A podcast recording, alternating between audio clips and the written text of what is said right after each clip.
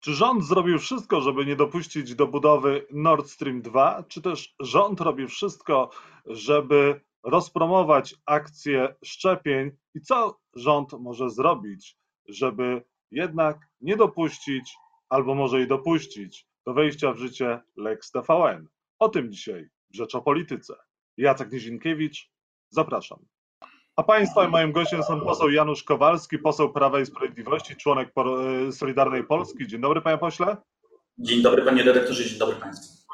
Będzie pan brał udział w Sejmowej Komisji e, Kultury, która zajmie się dzisiaj tak zwanym Lex TVN. Czego możemy się spodziewać?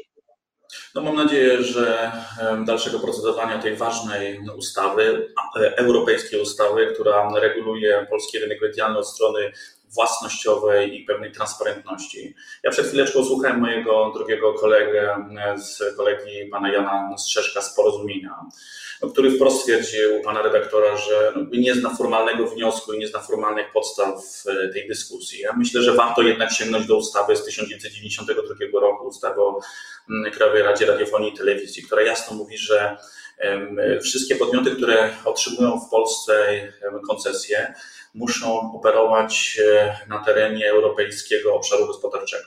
I ja rzeczywiście nawet sobie wydrukowałem specjalnie podpis z KRS-u na to nasze spotkanie, z którego jasno wynika, że właścicielem TVN SA wcale nie są Amerykanie zgodnie z tym KRS-em, tylko jest jakieś, jakaś spółka zarejestrowana na lotnisku e, w Amsterdamie, która, której nie wiemy, kto jest formalnie z tego odpisu KRS e, właścicielem. Wiemy oczywiście, że za nimi stoi rzeczywiście kapitał amerykański, ale jest to jednak spółka zarejestrowana po pierwsze w raju podatkowym, bo chcę przypomnieć, że w zeszłym roku Solidarna Polska, sam przygotowałem raport na temat Królestwa Niderlandów, tego raju podatkowego, przez który miliardy euro wyciekają każdego roku z Unii Europejskiej. Budżety Europejczyków są okradane przez ten mm, patologiczny system podatkowy, ponieważ Niderlandy mają umowy z, nie wiem, z wyspami Bahama, z Kajmanami y, i pieniądze są po prostu wyprowadzane z Europy. I to jest pierwszy podstawowy element. Po to ma być struktura właścicielska jasna. Dlatego preferujemy oczywiście kapitał polski, żeby po prostu podatki były płacone w Polsce. I druga kwestia to jest oczywiście transparentność co do struktury właścicielskiej. No nie może być tak, że my nie wiemy, kto jest właścicielem e, stacji, jednej z największych stacji e, telewizyjnych. Wiemy tylko, że jest to formalnie spółka zarejestrowana na lotnisku e, w Amsterdamie, która zatrudnia jednego pracownika. No to jest moim zdaniem sytuacja, którą trzeba uporządkować. Ja naprawdę życzę tego, aby na przykład dziennikarze TVN-SA, którzy przez 20 lat pracowali na markę TVN, stali się również akcjonariuszami TVN-SA. Absolutnie jestem tego zwolennikiem. No ale właścicielem e, TVN jest firma Discovery. To nie jest żadna tajemnica. Amerykańska firma, a jeżeli chodzi o udziały, no to e, wcześniej nie było żadnych problemów i też państwo nie stwarzali żadnych problemów przez tyle lat, e, żeby firma nie mogła funkcjonować. Jakie są powody, dla których koncesja nie jest przedłużana TVN-owi? Tak jak powiedziałem, panie redaktorze, Właścicielem zgodnie z wyciągiem Krajowego Rejestru Sądowego Polskiego nie jest Discovery, tylko jest Polish Television Holding BV, to jest spółka zarejestrowana w Holandii. I oczywiście być może jej akcjonariuszem czy udziałowcem, na pewno jest firma Discovery, ale pamiętajmy, że ten akcjonariusz może się zmienić w ramach tych wszystkich działań związanych z globalizacją. Za chwileczkę spółka może e, stać się właścicielem e, na przykład kapitału rosyjskiego, chińskiego czy innego. Właśnie po to jest ustawa o radiofonii i telewizji i po to jest ten europejski standard, bardzo bliski europejskiemu standardowi, na przykład francuskiemu, gdzie Francuzi bardzo enumeratywnie e, wyliczyli, jakie podmioty mogą być właścicielami mediów we Francji. Nasza ustawa jest po prostu ustawą europejską. Myślę, że nie warto dzisiaj wpisywać się w taką, w taką retorykę i próbować tworzyć mylne wrażenie, że ktoś komuś chce odebrać koncesję, że jest jakiś zamach na wolność mediów. Absolutnie nie. Ale tak, nie chcę jej przedłużyć, ponieważ nie przedłużacie, y, Krajowa Rada nie przedłuża od 17 miesięcy, a Marek Suski powiedział wprost, że byłoby dobrze, gdyby rządzący mieli wpływ na TVN. Ale nie, nie jest przedłużona ze względów formalnych, dlatego że nie spełnia formalnego, formalnego obowiązku z ustawy o Krajowej Radzie, Radzie Radiofonii i Telewizji, a nie dlatego, że ktoś ma takie czy inne widzimisię. Jeżeli akcjonariat TVN SA byłby zgodny z prawem, zgodny z prawem europejskim i z prawem w Polsce, to nie byłoby żadnego problemu, ponieważ Krajowa Rada Radiofonii i Telewizji działa na podstawie prawa, a nie na podstawie opinii pana Strzeszka czy kogoś innego, kto być może chce się lansować dzisiaj w TVN i wygłasza takie e, tyrady, które nie mają nic wspólnego z rzeczywistością, tylko popatrzmy do ustaw. Ustawy są jasne. Ja jestem zwolennikiem tego, żeby, jeżeli chodzi o media, była pełna transparentność kapitału i aby media były um, tak skonstruowane, żeby płaciły jak najwięcej podatków w Polsce. Panie pośle, co w takim razie TVN powinno zrobić, żeby móc w dalszym ciągu nadawać i dostać tę koncesję? Jakie jest rozwiązanie? Dostosować się do wymogów prawa polskiego. Czyli, czyli co?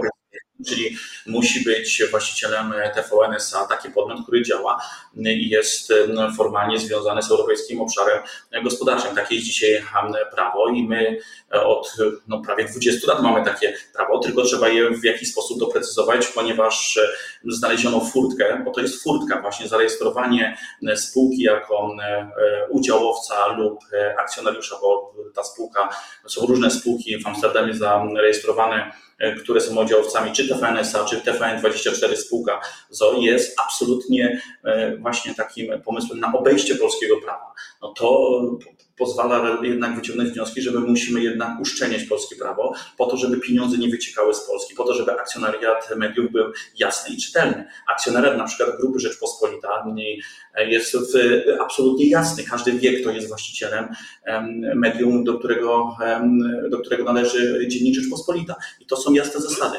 Ja chciałbym, żeby dalej te funkcjonowało. Czyli TVN powinno, powinno sprzedać na przykład udziały, czyli TVN powinno na przykład sprzedać część udziałów, czy też y, większościowy pakiet, y, przykładowo polskiemu inwestorowi, na przykład spółce Skarbu Państwa?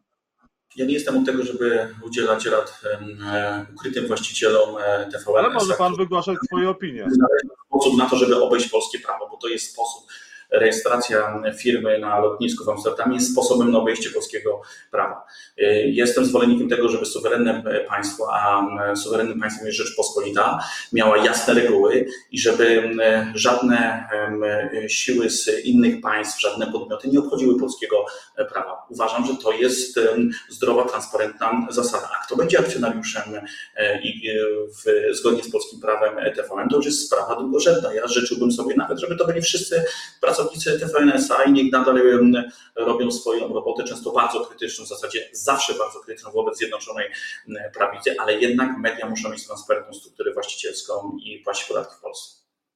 No dobrze, czy bez TVN-u pan sobie wyobraża e, medialny rynek w Polsce?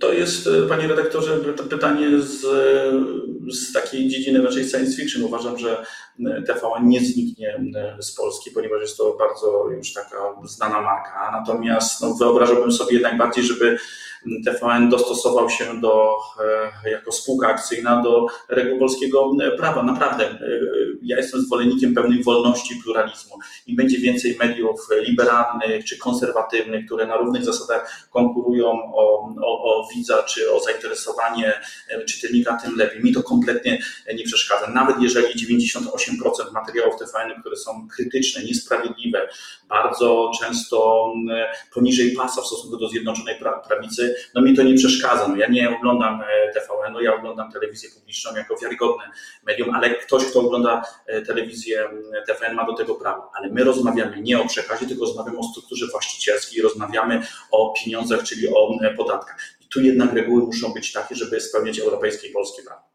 Dla Pana TVP jest telewizją wiarygodną, TVP Info e, to powinien być wzorzec dla TVN24?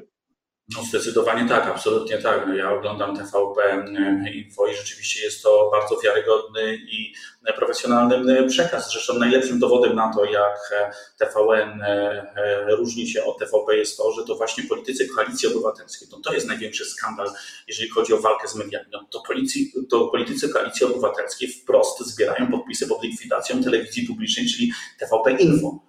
E, my, jako Zjednoczona Prawica, ludzie wolności, nigdy byśmy sobie nie wymyślili takiego pomysłu, żeby likwidować na przykład TVN, a, w, a politycy Koalicji Obywatelskiej chcą zlikwidować TVP Info, ponieważ... Pan ma poczucie, że TVP Info naprawdę jest...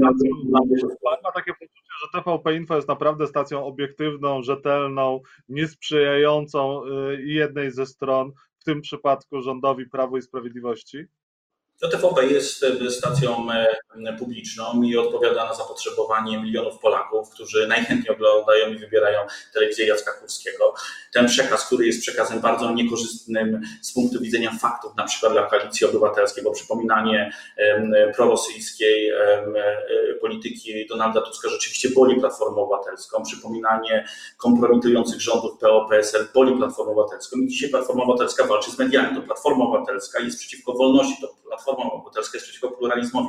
To Platforma Obywatelska chce zlikwidować w istocie kilkanaście ośrodków telewizji publicznej i odebrać prawo Polakom do informacji. Chcę powiedzieć jedną bardzo ważną rzecz. Gdyby nie TVP Info, Gdyby nie TVP Info, gdyby nie ośrodki regionalne telewizji publicznej prezesa Jacka Kurskiego, dostęp Polaków w czasie pandemii do wiedzy, do wiedzy, która była kluczowa z punktu widzenia walki z pandemią, byłby zdecydowanie ograniczony. Innymi słowy, dzisiaj Platforma Obywatelska w tym swoim szale walki z telewizją publiczną, która przypomina prawdę o Donaldzie Tusku i o Platformie Obywatelskiej, chce odebrać prawo Polakom do informacji.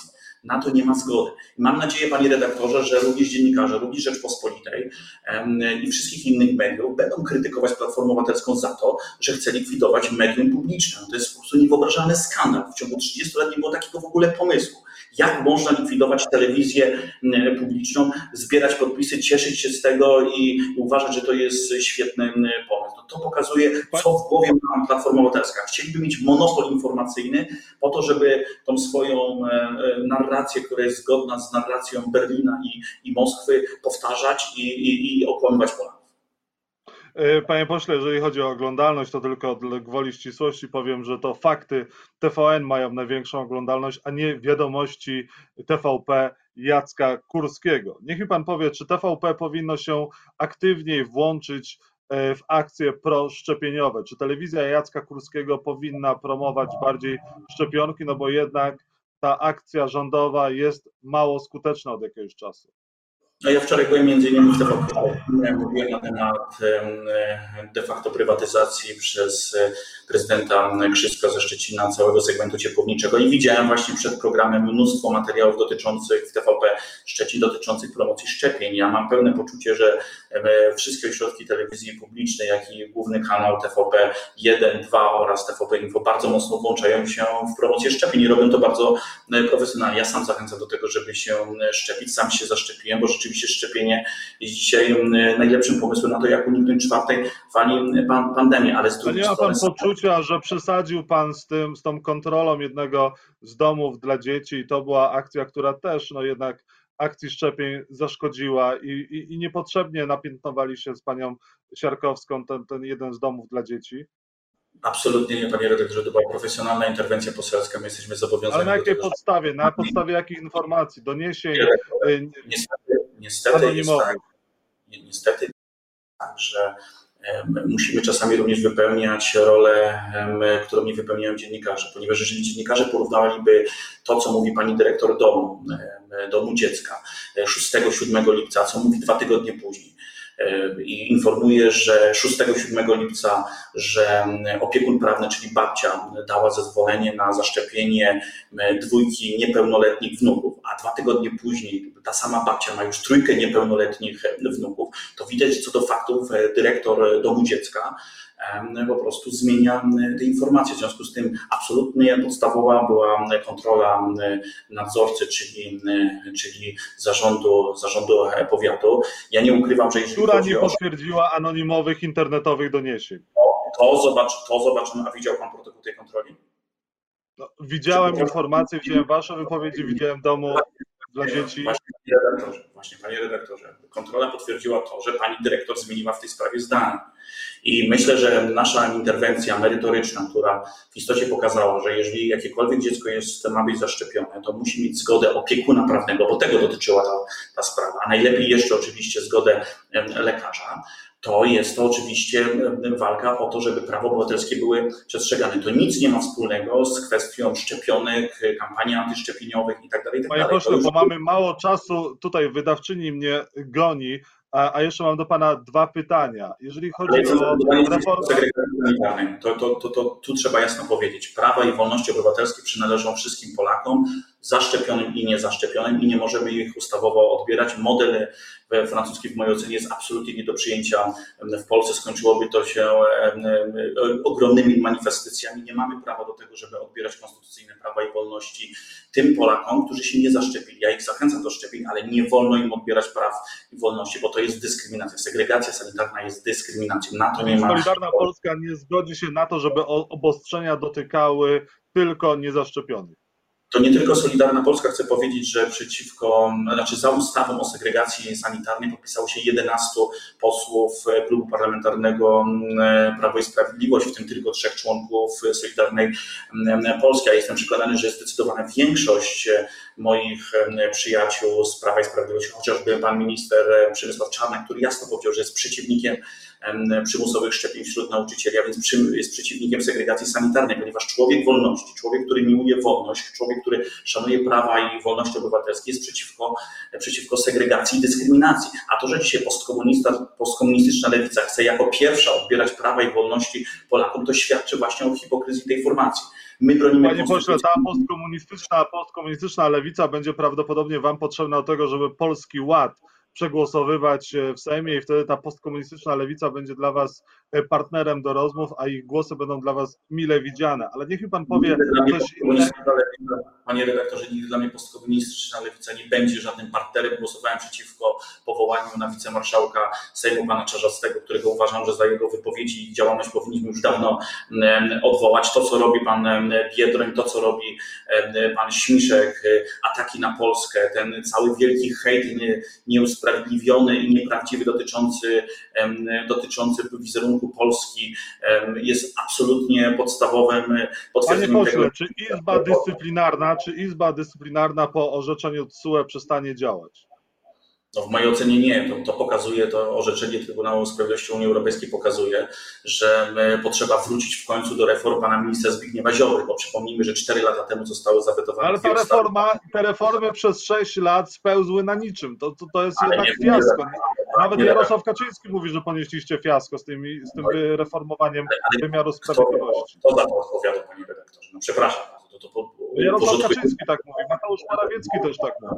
No to ja się, ja oczywiście w tym sensie, oczywiście cieszę się, że znowu racja jest pana ministra Zbigniewa Ziobro, który dokładnie 4 lata temu został zastopowany w przeprowadzeniu reformy wymiaru sprawiedliwości, bo chcę przypomnieć, ale jeżeli mogę, ponieważ to są bardzo ważne fakty, o których się być może zapomina, część osób nie pamięta. Dwa lata, e, cztery lata temu zostały przyjęte dwie ustawy w ramach tak zwanej reformy wymiaru sprawiedliwości. Ustawa o sądach powszechnych i asesorach. Dwie kolejne ustawy zostały pod naciskiem Brukseli i środowisk sędziowskich przy wielkim aplauzie zawetowane przez pana prezydenta Andrzeja Dudę.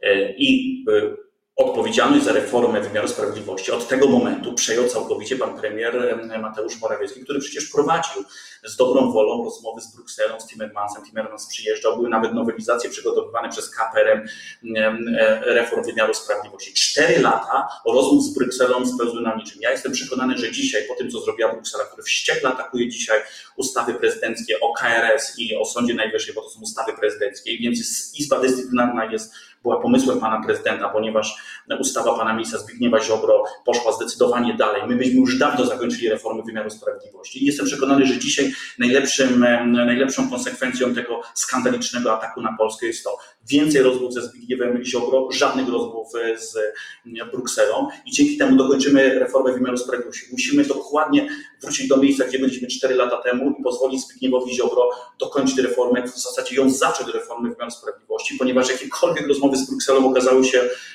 całkowicie nieskuteczne, bo po drugiej stronie mamy oszustów, po drugiej stronie mamy ludzi, którzy e, chcą Polskę atakować, nie ma sensu z nimi rozmawiać. Ani A ja mam po wstecz. drugiej stronie wydawczynię, która każe mi kończyć od pięciu minut. Janusz Kowalski był Państwa i moim gościem, poseł Prawa i Sprawiedliwości, Solidarna Polska. Dziękuję, miłego, dobrego Dziękuję dnia. bardzo. Suwerenna Polska walczymy.